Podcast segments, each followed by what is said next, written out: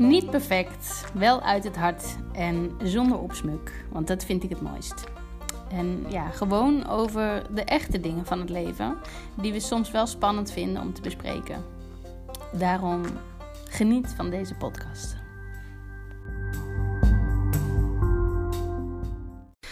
Hey, welkom bij mijn volgende podcast. Deze keer wil ik het een en ander delen over iets wat toch wel een beetje bij mij altijd in de taboe-sfeer heeft gehangen, waar ik het altijd spannend van heb gevonden om uh, over te praten. Alleen, um, ja, deze podcast gaat over uh, authentiek zijn en over eerlijk zijn en open en, um, en echt. En daarom vind ik het juist ook wel mooi om, om ook over dit onderwerp met jullie te delen. Het is namelijk zo dat ik um, een probleem heb met eten. En um, dat kun je dus ook wel een eetprobleem noemen. En dat is nogal een beladen term. Vandaar uh, dat ik het ook op deze manier zeg. Maar um, ja, ik heb dus altijd in mijn leven, ik ben nu dus 33, best wel flink geworsteld met eten. Uh, met mijn lichaam, met mijn gewicht. Uh, met het idee van te dik zijn. En um, ja, ik vind het gewoon mooi om over te delen, omdat ik weet dat ik gewoon niet de enige ben. Dat er echt heel veel mensen, voornamelijk vrouwen, maar ook zeker mannen, uh, worstelen met, ja, met het idee van ik ben te zwaar of ik ben. Um, um, ja, fysiek niet fit. En um, de oplossing van het alsmaar diëten is dus iets waar ik zelf op een gegeven moment echt helemaal klaar mee was. Um, en dat hele rondje van alsmaar jezelf fysiek willen veranderen, uh, dat ben ik nu aan het overstijgen. Nou, en het klinkt een beetje abstract misschien, maar ik zal, ik zal het even vanaf het begin af aan beginnen. Um, nou, ik ben geboren in een gezin um, als ik, als ik terug ga, uh, nog voor mijn geboorte, dan hebben mijn uh, opa en oma in uh, een kamp gezeten in de oorlog in Indonesië. En ik heb ook aan het einde van mijn tienerjaren een half jaar bij mijn opa en oma gewoond in huis. Um, en toen heb ik ook echt heel veel van hun gehoord over hoe het daar was. En onder andere zijn ze daar bijna dood gegaan van de honger. En mijn opa die heeft regelmatig verteld over hoe hij dan um, in de keuken, zeg maar in de gaarkeuken van het kamp, dat hij dan extra uh, shift ging doen. Omdat hij dan af en toe een klein stukje wortel extra kon jatten. Of dat ze bijna de muizen gingen eten, zeg maar daar. En dat ze gewoon altijd honger hadden eigenlijk. Nou, en ik geloof dat dat, dat soort dingen gewoon een soort van in het DNA kunnen gaan zitten en, en doorgegeven worden van generatie op generatie. En Um, nou ja, van mijn ouders heb ik geleerd dat uh, diëten eigenlijk normaal is. Um, ik kan me herinneren dat ik zelf op mijn dertiende ongeveer uh, ook mijn eerste dieet ging doen. Um, ik deed ook vaak mee met mijn ouders. Die zeiden dan wel altijd van, nou, dat hoeft allemaal niet zo. Maar ja, ik was ook wel altijd een chubby kind uh, vanaf ja, vanaf de geboorte eigenlijk als altijd gewoon al een flinke baby. En ik heb altijd bolle wangen gehad en uh, gewoon een lekker mollig uh, meisje. Uh, alleen vanaf groep drie werd ik dus al daarmee gepest. Dat ik hoorde dat ik te dik was of de dikke was. Of nou ja, gedurende ja, de basisschool werd dat af en aan uh, erger en dan weer wat minder erg. En het lag ook aan met wie ik in de klas zat. Dat verschilde nog wel eens. Maar in ieder geval um, ja, heb ik wel van groep drie tot en met de eerste van, van de middelbare school, zeg maar, regelmatig uh, ja, gehoord dat ik uh, te dik was.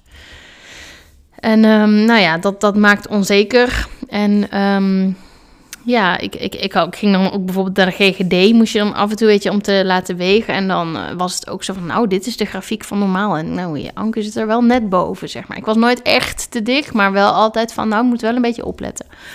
Nou, dus um, toen vanaf mijn dertien of zo ben ik gewoon ook gaan diëten. En dan ging ik, ik moest altijd heel ver op de fiets naar school. Maar dan nam ik gewoon alleen twee uh, droge boterhammen of zo. En dan geen uh, beleg. En dan ja, deed ik gewoon mijn best om, om met zo min mogelijk eten de dag door te komen. En um, nou, dat lukte dan natuurlijk weer niet. Dus als ik dan thuis kwam smiddags, dan had ik heel de koelkast leeg. En dan, um, dan had ik een rot gevoel over hoe het gegaan was. En nou ja, daar begon zeg maar voor mij de strijd. Of daar, daar zette de strijd zich eigenlijk voort. Vooral door dus diëten. En nou, ik ben na de middelbare school um, gaan studeren. En toen was het een beetje zo van... Uh, ja, scheid aan, gewoon heel veel bier drinken en uh, frituren eten.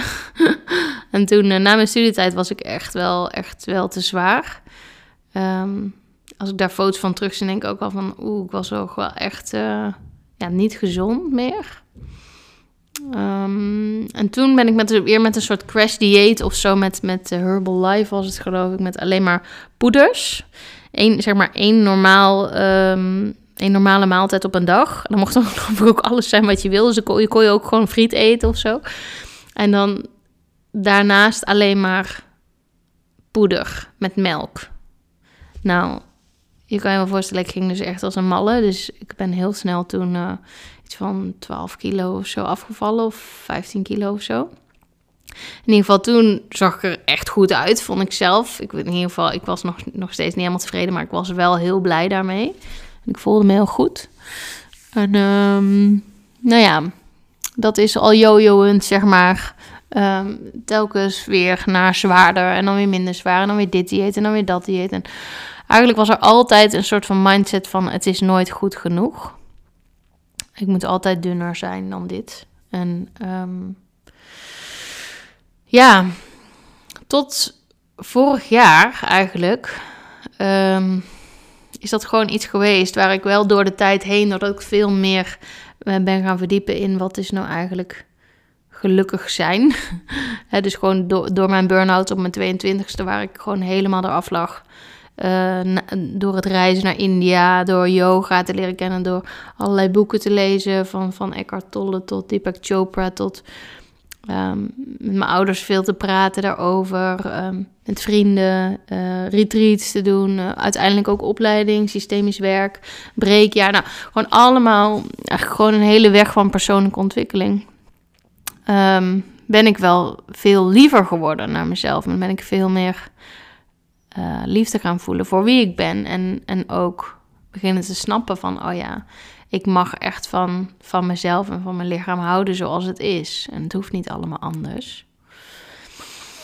Alleen ja, dit is wel een hele hardnekkige. Um, dus ja, naast dat ik kon zeggen, ik hou echt wel van mezelf en ik ben blij mezelf te zijn. Uh, en ik hoef het allemaal niet meer per se te veranderen.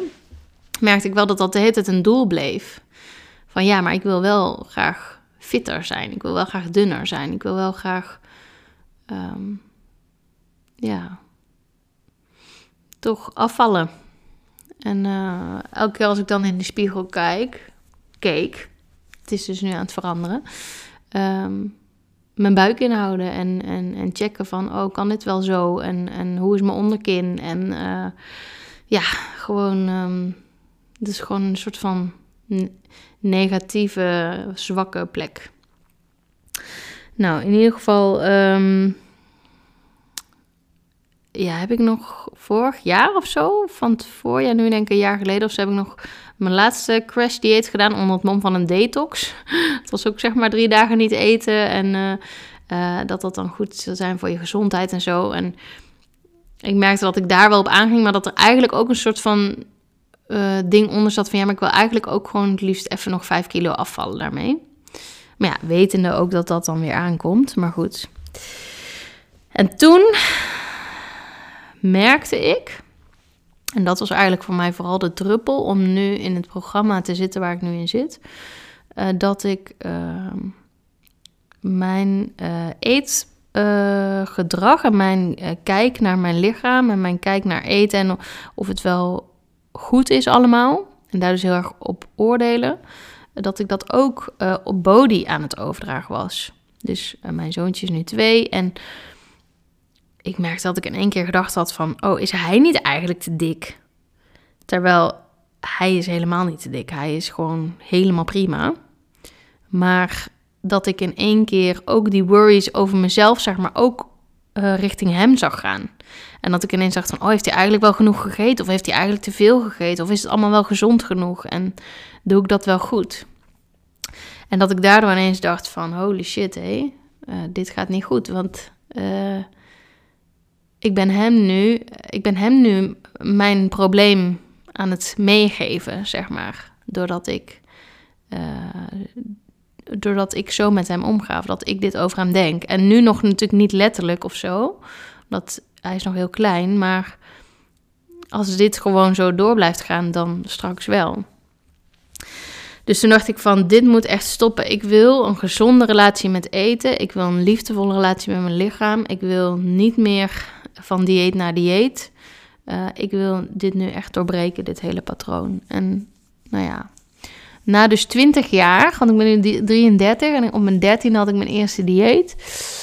Uh, eh, 20 jaar aan diëten heb ik, um, heb ik gekozen om een ander soort uh, programma in te stappen. En dat is dus bij Trubendorfer. Waar ik echt super tevreden over ben.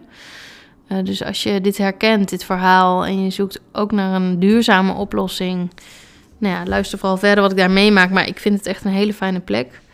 Um, ze bieden eigenlijk verslavingszorg. En je kan dus, als je zo met eten omgaat, eten ook zien als een soort verslaving.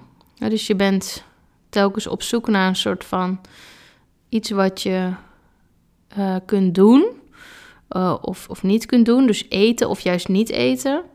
Um, om bijvoorbeeld um, van stress af te komen. Dus uh, ze noemen dat dan een eetbui. Nou, ik, ik snap dat wel. Een eetbui kan dus echt zijn als ik dan aan het einde van de dag thuis kom en gestrest en dus weinig gegeten, omdat ik dus slecht voor mezelf heb gezorgd, dat ik dan ga eten.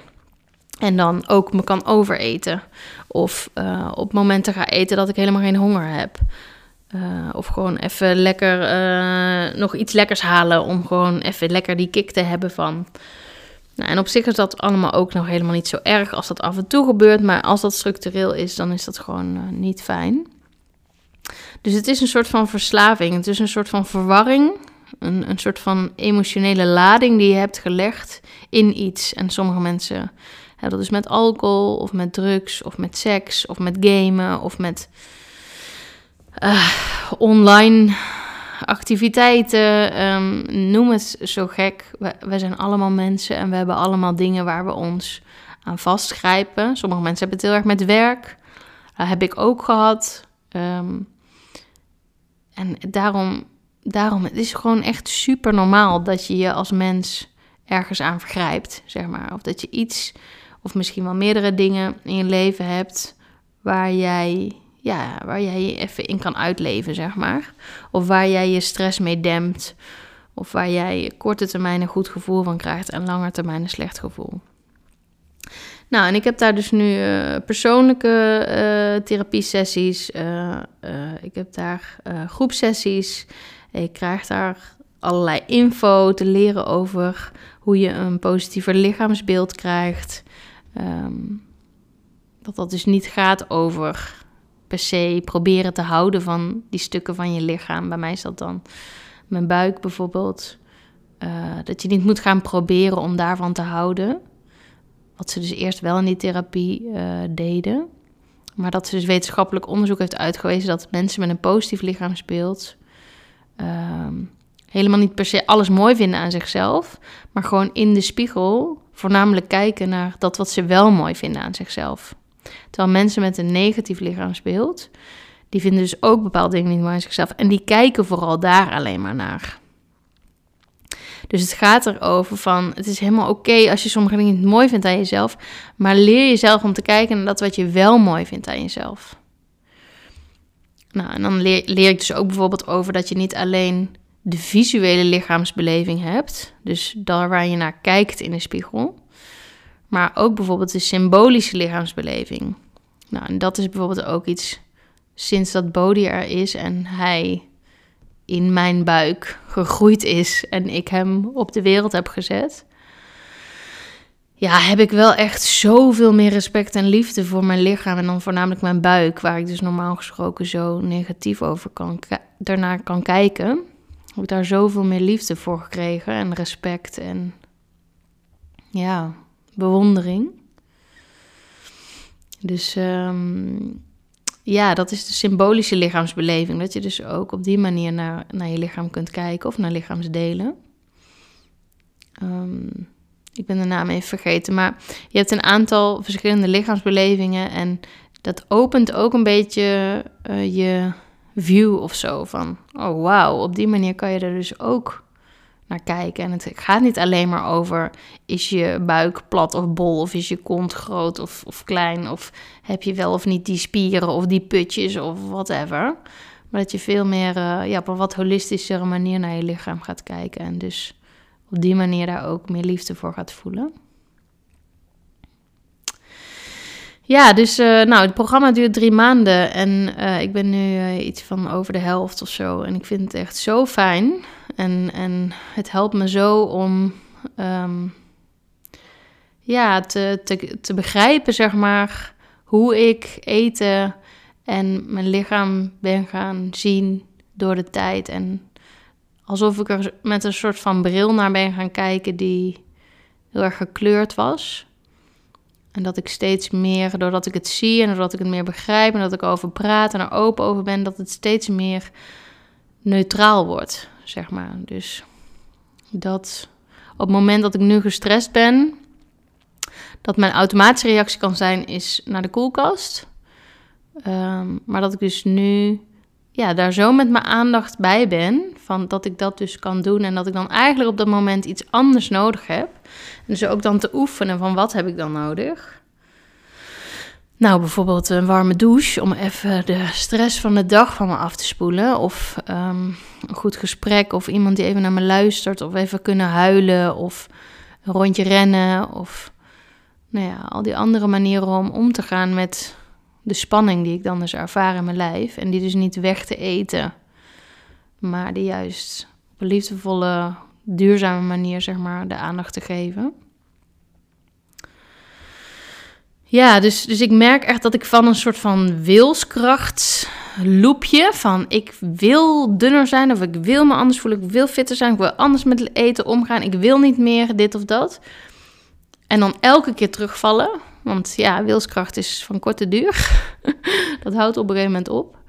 Dat ik daar nu uit ben gestapt en in een, echt in een duurzaam proces ben gegaan met hulp over nou ja, de, de, de, het onderzoek van waarom doe ik dit zo? Wat, wat heb ik eigenlijk echt nodig? Hoe kan ik daar ja, dat patroon eigenlijk veranderen? En, en, en daarmee ook een beter voorbeeld zijn voor Bodhi. En, en vooral ook echt lekker in mijn lijf komen te zitten zonder alsmaar te hoeven denken tot het einde der dagen dat ik vijf of tien kilo lichter moet zijn. Oh, wat een verlossing is dat, zeg. Ja. Hmm. Ja, dus het is nogal een, eh, een verhaal. En um, ja, waarom ik dit dus deel is omdat ik weet dat er gewoon heel veel meer mensen zijn die hiermee rondlopen. Ehm, en het zou ook een andere vorm kunnen hebben. Misschien, wat ik net al zei, gaat het bij jou over gamen of over uh, roken of over uh, drugsgebruik of over uh, pornoverslaving of over, nou ja, noem het maar. Het maakt eigenlijk niet uit wat het is. Het, het, is allemaal ja, een vorm van verslaving. En een verslaving is dus super menselijk. Um, en er op wilskracht proberen te sturen op je gedrag. Dus het niet meer doen of het juist iets anders wel doen. Dat dwangmatige, zeg maar, dat, dat is gewoon zo frustrerend. Want dan lukt het telkens niet. In ieder geval niet op lange termijn. Dus ik hoop ja, dat ik je met dit verhaal kan uitnodigen om ja, hulp te zoeken. Dus dat, dat kan je heel vaak niet alleen. Daar heb je echt vaak, vaak wel iemand voor nodig. En bijvoorbeeld Trubendorfer is echt vet goed, vind ik. Trubendorfer, ze zitten door het hele land. Kun je gewoon verzekerd uh, met de verwijzing van de huisarts uh, terecht. Ehm, en daar ehm, ja, word je gewoon echt geholpen om dus te kijken naar wat zit hieronder. En hoe kan ik dit, uh, dit overstijgen? Hoe kan ik... Ja, hoe kan ik hieruit? Uit deze trap. en